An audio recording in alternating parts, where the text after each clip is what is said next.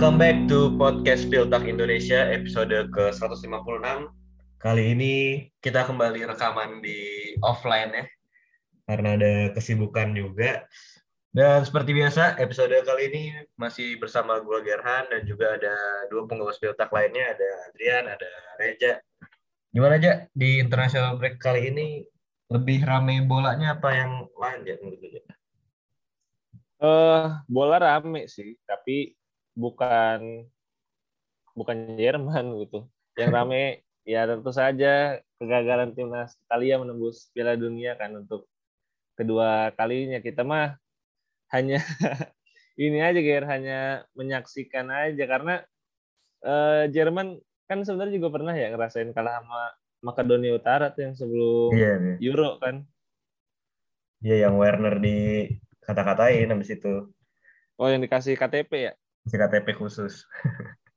Jadi di Piala Dunia Sosial kita nggak bakal menonton Vincenzo Grifo nih berarti. Benar. Gue kira tadi mau bilang ini yang rame uh, klub siluman menjadi juara aja di Liga Indonesia aja. Enggak, itu udah udah udah nggak hype sih itu. Udah Membahas ini. itu ya udah udah nggak hype karena hype-nya kan udah pas 2019 gitu karena kalau udah juara dua kali ya udah ya habis bukan siluman lagi gitu. ya udahlah gitu kalau lu gimana Dri yang lu ikutin seminggu terakhir ada apa Dri banyak juga nih ramai kalau kita lihat di sosmed nih. Yang gue ikutin bukan sepak bola tapi Will Smith nampar Chris Rock sih. Itu doang gue sampai nonton berkali-kali dan kayaknya cukup mengagetkan gitu. Sama kagetnya kayak gue ngelihat mau salah yang mau penalti dikerubungin sama laser-laser dari uh, supporternya Senegal. Itu lebih banyak dari eh, AFF tahun berapa tuh ya yang yang ada kasus begitu tuh? 2010. Nah, oh ya. Itu aja mau sampai walk out kan itu. Mau salah tetap ngambil eh malah nggak masuk dan akhirnya uh, tragis buat negaranya gitu. Jadi kita nggak bisa ngeliat Omar Marmus nih di Piala Dunia tahun ini nih. Gak ada Grifo, gak ada Omar Marmus, jadi suatu kekecewaan juga ya. Dan emang ternyata berarti fans-fans di Afrika nggak beda jauh sama di Asia Tenggara kelakuannya. Walaupun lebih parah sih di Afrika sampai ber lebih dari dua kayak itu yang laser. Cukup. Sampai burem itu nggak bisa ngelihat. Ya kayak puyeng deh gue kalau digituin. Tapi di episode kali ini kita bakal fokus ngomongin apa nih kali ini aja? uh, selain ngebakal ngebahas dua laga timnas Jerman di international break kali ini, kita juga bakal ngebahas apa yang dikatakan Fabio Capello ketika timnas Italia gagal lolos ke Piala Dunia. Katanya Italia ini butuh lebih banyak pelatih dengan tipe seperti para pelatih dari Jerman di Serie A dan timnas Italia ini harusnya udah nggak bermain seperti Guardiola lagi, tetapi bermain seperti Jurgen Klopp atau Hansi Flick Yoi, ini sebuah komentar yang kemarin cukup rame diperbincangkan, engagementnya juga kencang kemarin pas kita up di sosial media. Dan sebelum kita bahas itu, kita bakal recap sedikit kali ya dari pertandingan timnas Jerman kemarin. Dua-duanya friendly apa enggak ya? Lupa gue. Friendly ya? Dua-duanya friendly dan karena kayak nggak signifikan. Berja, gitu. ber, berjalan sangat friendly ya. di mana di pertandingan yang pertama tuh timnas Jerman menang 2-0 lawan Israel. Golnya dicetak sama Kai Havertz dan Timo Werner, duo Chelsea. Sementara itu di pertandingan kedua Jerman lawan Belanda 1-1. Tetapi yang menjadi highlightnya justru reuninya Thomas Müller dengan Louis van Gaal gitu. Selain timnas senior, Timnas Under 21 juga main bagus di jeda internasional kali ini. Menang dua game lawan Latvia sama Israel dan tinggal selangkah lagi untuk melaju ke Euro Under 21 tahun depan. Terus ada tim Under 17 juga baru aja lolos ke Euro Under 17 tahun ini. Dan satu-satunya yang mungkin tampil buruk itu timnas Under 19. Itu dia segrup sama Italia sama Belanda atau Spanyol gitu gue lupa apa Portugal tapi yang pasti nggak lolos bahkan di partai penentuan di akhir itu kalah sama tim tuan rumah Finlandia nah si under 19 ini isinya itu si Torben Rain terus ada Brett RMB ada Arman Armindo Sip nah kabar-kabar sih udah banyak yang bilang kalau angkatan ini nih terlalu overrated gitu katanya. Iya, ya, padahal isinya juga lumayan tuh. Pemain Bayern, ada si Ibrahimovic itu masuk ke mana? Sama Paul Warner. Under 17 itu masih. Oh, under, under 17, 17 masih ya. Under 19 tuh kalau di Dortmund itu Tom Rote itu back kiri. Ya nggak apa-apa lah. Cuman beda satu tahun dua tahun lah.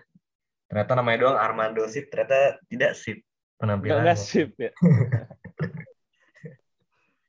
Terus kemarin iya sih, uh, eh, gue juga udah sempat tadinya kita mau bahas rivalitas Belanda dan Jerman juga dan ternyata cuma friendly doang dan memang kalau gue lihat sih uh, di era modern rivalitas kedua negara ini nggak terlalu panas-panas banget juga ya. Tapi menurut gue apakah kemarin lawan Belanda tuh berarti kan suatu uh, tim yang bisa dibilang setara lah selama ini selama dipegang Hansi Flick. Apakah ini jadi tes yang bisa dibilang tes yang berguna gitu, tes yang sesungguhnya bagi timnas Jerman menurutku. Ya kalau menurut gue sih semua pertandingan dari sekarang sampai ke Piala Dunia 2022 ya semuanya uh, bakal jadi ajang eksperimen lah buat Hansi Flick buat nyari-nyari yang terbaik bahkan bukan hanya mencari yang terbaik tapi yang cadangannya juga bakal dicari yang terbaik. Makanya kan kemarin pas lawan Israel tuh si Ter Stegen sama Kevin Trapp juga mainnya kan 45 menit 45 menit dan bahkan Kevin Trapp yang main dari bangku cadangan juga bisa menyelamatkan penalti. Jadi menurut gua iklim di timnas Jerman sekarang benar-benar sehat, benar-benar ya menyenangkan lah jika kita bandingkan sama uh, periode terakhirnya Jogi Love di timnas Jerman. Jadi menurut gue nanti bakal banyak eksperimen ke depannya dan secara lawan yang bakal mereka hadapi untuk sampai nanti ke Qatar pada bulan November juga lumayan oke okay sih buat uji, uji coba karena ada enam laga di Nations League kan itu Jerman segrupnya sama Italia, Inggris, sama Hungaria jadi udah kayak ini aja sih udah kayak gladi resik kayak sebelum Piala Dunia. Lawannya juga oke-oke. Kalau lu sendiri gimana dari apakah lu sudah cukup puas dengan performa timnas Jerman kemarin atau lu bahkan nggak ngikutin? Oh, nggak ngikutin, cuman uh, kalau ngeliat highlightnya sih memang uh, ya ini namanya juga cuplikan aja ya. Menurut gue udah udah pakem lah ya Jerman main di uh, bawah asuhan Hansi Flick. Cuman mungkin tinggal berkata Reja tadi harus ngebawa pemain yang ya benar-benar punya fungsi lah walaupun itu sekecil apa pun gitu jadi di lagu uji, co uji coba kali ini ya banyak pemain-pemain yang biasanya nggak main di kualifikasi Piala Dunia ya akhirnya bermain gitu. Dan ya untuk uh, lawan Belanda yang sama juga banyak eksperimennya sih ya oke okay lah. Uh, walaupun nggak menghibur banget gitu. Cuman pada intinya sih tinggal menentukan kalau menurut gue apakah ingin bermain dengan skema 3 back atau bermain dengan 4-2-3-1 itu aja sih karena itu juga yang apa ya approach ke setiap pertandingannya bakal jauh beda sih antara 4 back dan 3 back jadi ya masing-masing uh, formasi tersebut udah pernah dipakai jadi dan hasilnya juga mirip-mirip gitu sama-sama maksimal jadi ya kita harus nunggu sih uh, Flick lebih condong ke yang mana gitu yang kemarin tuh yang bisa dilihat eksperimennya adalah Musiala ditaruh di di playing playmaker gitu. Itu jadi gelandang tengah kayak yang udah dimainin Nagelsmann beberapa kali musim ini dan ternyata performanya oke. Dan gue juga setuju sama lu kalau sebenarnya secara pemain yang kemarin main itu David Raum juga dia lebih terbiasa main di formasi 3 back kan. Terus juga kayak Robin Gosens juga sebenarnya lebih attacking juga. Dan kalau emang Hansi Flick bisa eh mau tetap menggunakan 4-2-3-1 ya memang harus banyak-banyak uh, penyesuaian lagi sih berarti dengan skema taktiknya juga. Dan ya semoga lah Jerman bisa uh, di Piala Dunia nanti bisa melaju jauh gitu karena ini udah dari orang-orang banyak pelatih-pelatih dunia salah satunya Fabio Capello sangat mengagumi bagaimana sepak bola di Jerman saat ini terutama dari secara taktikal. Yang mana kemarin uh, ini kita yang udah bahas dari si Reja juga Capello mengomentari keluarnya timnas Italia gitu kan dari bukan keluar ya berarti nggak lolosnya timnas Italia dari eh ke Piala Dunia 2022 karena dianggap permainan Italia saat ini tuh udah sangat kuno gitu. Dia mencoba bermain seperti Guardiola tahun 2008 gitu, tiki taka kayak gitu. Bahkan Guardiola saat ini kalau nonton Manchester City tuh udah dicampur dengan pressing yang tinggi gitu kan. Dengan pemain yang lebih agresif lagi, dibeda sama Barca dulu kan mungkin lebih banyak tiki taka less physical gitu. Dan Capello menyoroti itu gitu kalau timnas Italia saat ini mereka nggak terbiasa untuk merebut bola, nggak terbiasa untuk pressing, nggak terbiasa untuk build up dengan uh, long ball uh, diagonal gitu. Kalau menurut lu ya, apakah yang dikatakan Fabio Capello saat eh kemarin itu lu setuju banget apa gimana? Eh,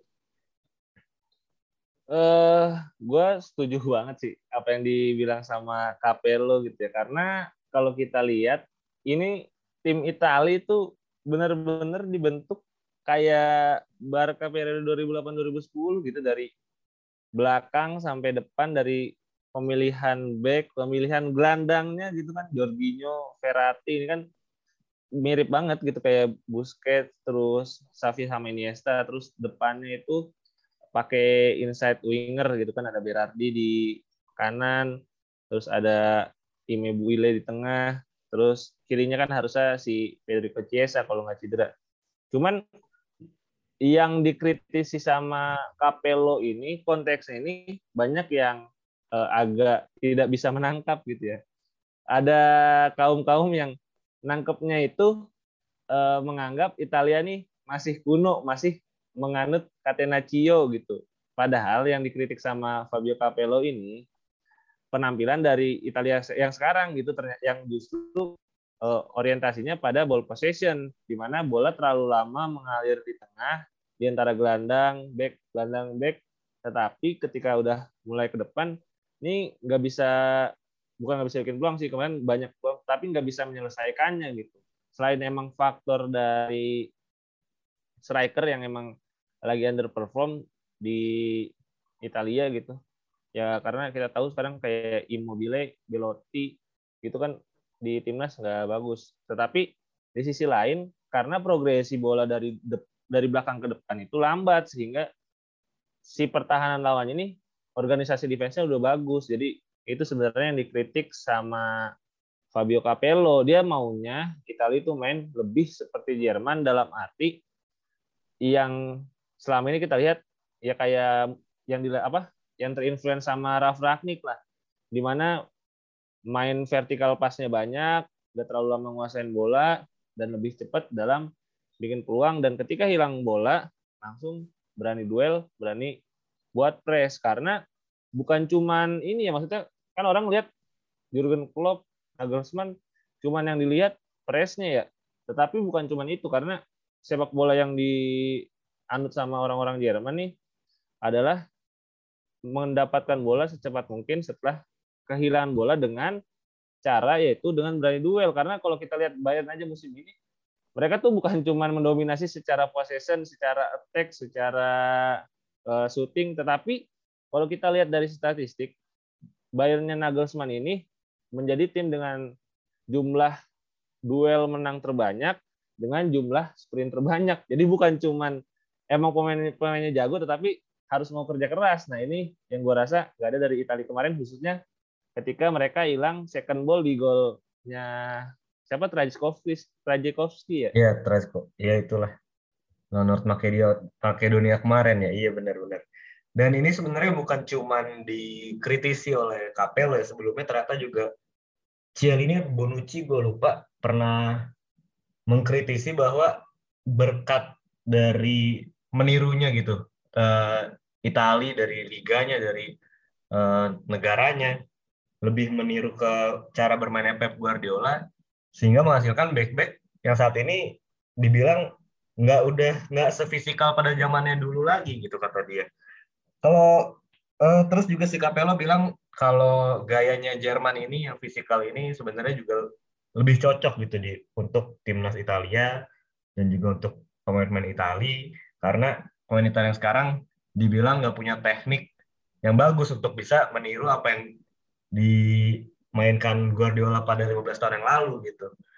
Kalau menurut lo sendiri, Dri, apakah emang uh, gaya main seperti Jurgen Klopp gitu yang dibilang Capello ini masih menjadi style yang paling ampuh saat ini menurut Dri? Dilihat dari bagaimana performa klub-klub besar Eropa di ya mungkin tiga tahun terakhir, empat tahun terakhir. Iya, kita nggak bisa uh, menolak fakta tersebut sih, karena mungkin yang menjadi apa ya namanya katalis pembeda antara ya, walaupun Pep juga udah benci banget denger tiki taka kayaknya ya, hmm. antara ya tiki taka dan gegen pressing itu sebenarnya menurut gue ini subjektif ya, karena klub berhasil membuktikan dengan pemain yang ya bisa dibilang pemain yang bukan level terbaik di Dortmund dia bisa juara misalnya, terus dia bisa ngebawa Liverpool yang budgetnya nggak sebesar Manchester City atau MU gitu konsisten untuk uh, terus berprestasi. Makanya menurut gue uh, banyak tim timnas gitu ingin men meniru hal tersebut gitu. Tapi kalau dari kasusnya Itali kalau menurut gue yang paling benar itu ya sebagai pelatih sebagai yang punya fed federasi itu uh, kalau timnas senior kalau menurut gue adalah ya apa yang ada lu maksimalkan aja gitu loh. Mungkin menurut gue Mancini memang mungkin punya uh, preferensi yang ala Guardiola kita bilang gitu. Dan menurut Mancini ya tim yang ia punya ya cocoknya main kayak gitu gitu. Sama kayak gak usah jauh-jauh lah Euro tahun kemarin gitu. Jogilo udah nguasain bola apa segala macem. Dia kan dari Jerman juga. Ya intinya memang kalau di timnas itu satu uh, missing link yang benar-benar penting misalkan kayak Jerman tahun kemarin striker ya itu bakal terus-terusan ngeganggu gitu mau build up cepat, mau build up lambat, mau agresif, mau pasif dan segala macamnya menurut gue ya memang di timnas itu bakal akan ada selalu titik lemah yang bisa mengganggu uh, ritme permainan beda kayak di klub misalnya kayak uh, Liverpool butuh back baru dia bisa langsung datangin Van Dijk misalnya. Nah di Italia nggak ada immobile ada penerus immobile ataupun si Belotti ya makanya seret gol gitu lah biar intinya gitu. Jadi menurut gue ini uh, justru agak berlebihan sih kalau menurut gue uh, karena nggak semuanya itu langsung copy paste gitu loh. Jerman juga mengidentifikasi filosofinya sendiri Belanda juga mengidentifikasi filosofinya sendiri Spanyol juga jadi ya Italia kalau mau ya justru harus lahir dari dari tanah mereka sendiri gitu karena karakteristik e, bermain bola tiap negara itu ya beda-beda walaupun ya zaman sekarang semuanya punya satu kemiripan gitu. Cuman gue tetap bukan orang yang percaya bahwa gegen pressing akan selalu membawa tim berhasil enggak gitu. Lihat aja e, misalnya yang seofensif e, Bielsa gitu ya kalau memang pemainnya nggak nggak pas pelatihnya nggak nggak adaptif juga ya sama aja. Jadi ya memang butuh sinergi yang pas antara apa yang e, negara itu punya pemainnya kualitasnya kayak gimana dan pelatihnya e, apa nih achievable ya, hal yang achievable itu apa gitu. Apalagi Italia di Euro kemarin menurut gue walaupun bukan kualitas yang terbaik bisa tetap juara gitu. Mungkin ini ada beberapa faktor yang kita bisa lihat kayak penaltinya Jorginho gitu biar yang sebenarnya kalau di berapa laga itu gol Italia itu udah lolos gitu loh. Jadi yeah. ya memang ya itulah sepak bola gitu sih kan. Jadi menurut gue Capello masih agak kesal aja mungkin ya karena Italia yang harusnya bisa ngalahin Macedonia malah enggak gitu. Iya yeah, emang bener-bener jaraknya tuh bisa dibilang cuma beda setahun berarti dari juara Euro kemarin 2021 kan. Kurang dari setahun itu ya? Kurang dari setahun bahkan kita udah melihat penurunan Italia. Ini nggak tahu bilang penurunan atau emang ada sial juga di pertandingan-pertandingan itu. Cuman ya ini menjadi hal yang besar gitu untuk sepak bola Italia dengan tidak lolosnya mereka kedua Piala Dunia berturut-turut. Ini kita balik lagi uh, menyambungkan lah dengan Liga Jerman karena udah cukup banyak ngomongin Italia. Uh, si Capello juga bilang kalau di Liga Italia saat ini harus juga dibiasakan gitu ya dengan permainan-permainan yang mirip-mirip sama Jurgen Klopp style bisa dibilang gitu kan. Lu setuju dengan itu ya?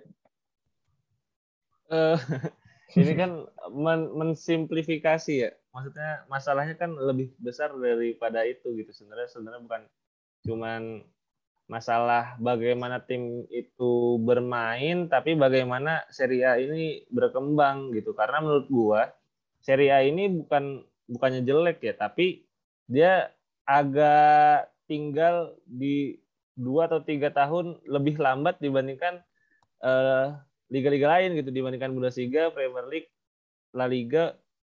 Serie A ini seakan-akan berada di beberapa tahun yang lebih lambat gitu karena kalau kita lihat aja pelatihnya gitu ya di Serie A masih ada nama-nama yang menurut gua udah udah habis lah masanya kayak Walter Mazzari ketika dulu sama Napoli gitu kan terus ada juga Maurizio Sarri masih masih ada Luciano Spalletti yang udah dari dulu. Kayaknya dari kita SD udah melatih di Roma gitu kan. Terus masih ada nama-nama yang menurut gua uh, terlalu apa ya udah terlalu lama lah gitu di Serie A. Dan arahnya sebenarnya Serie A udah mulai berkembang cuman pergerakannya agak lebih lambat aja gitu. Karena mereka akhirnya sekarang udah mulai terbuka dengan banyak pelatih asing khususnya kayak Jose Mourinho masuk ke Roma menurut gua jadi sesuatu yang agak fresh juga lah terus kayak Alexander Blesin masuk ke Genoa itu juga sangat fresh gitu kapan lagi ada pelatih asal Jerman gitu di Serie A kayak udah lama banget jadi menurut gue arahnya udah mengarah ke yang baik. Terus uh, Serie A-nya emang harus berkembang gitu. Karena kalau kita lihat kan sekarang Serie A tuh identiknya dengan pemain-pemain tua tuh emang bener, emang bener-bener uh, kayak gitu faktanya di lapangan gitu. Karena kayak Roma masih ngandalin Zeko, Inter masih Inter Zeko.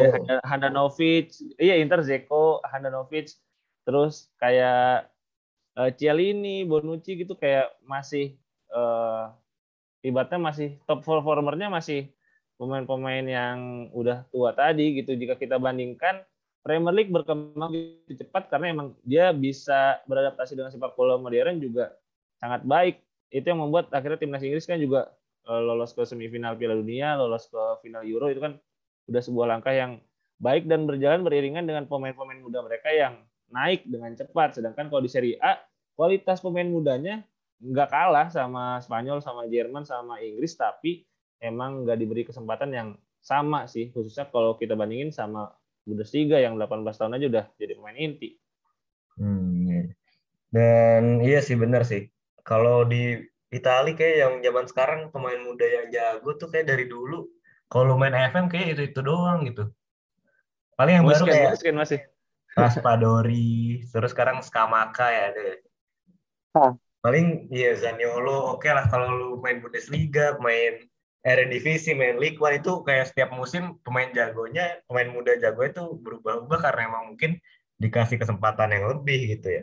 Kalau lu sendiri, lu setuju nggak dengan statement bahwa kualitas liga di suatu negara itu mempunyai pengaruh besar terhadap prestasi uh, timnasnya gitu. Karena kalau kita lihat kan sebenarnya Italia ini kualitas liganya bisa dibilang dalam tiga tahun terakhir ini emang dipertanyakan gitu, menurun juga ke semifinal Liga Champion juga nggak ada.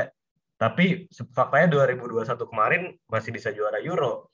Sedangkan timnas Inggris gitu yang banyak eh, pemain-pemain bagusnya di liga di liga Inggris gitu, tapi nggak bisa berbuat uh, bisa juara gitu kan dalam lima tahun eh, di turnamen-turnamen besar. Menurut lo gimana deh?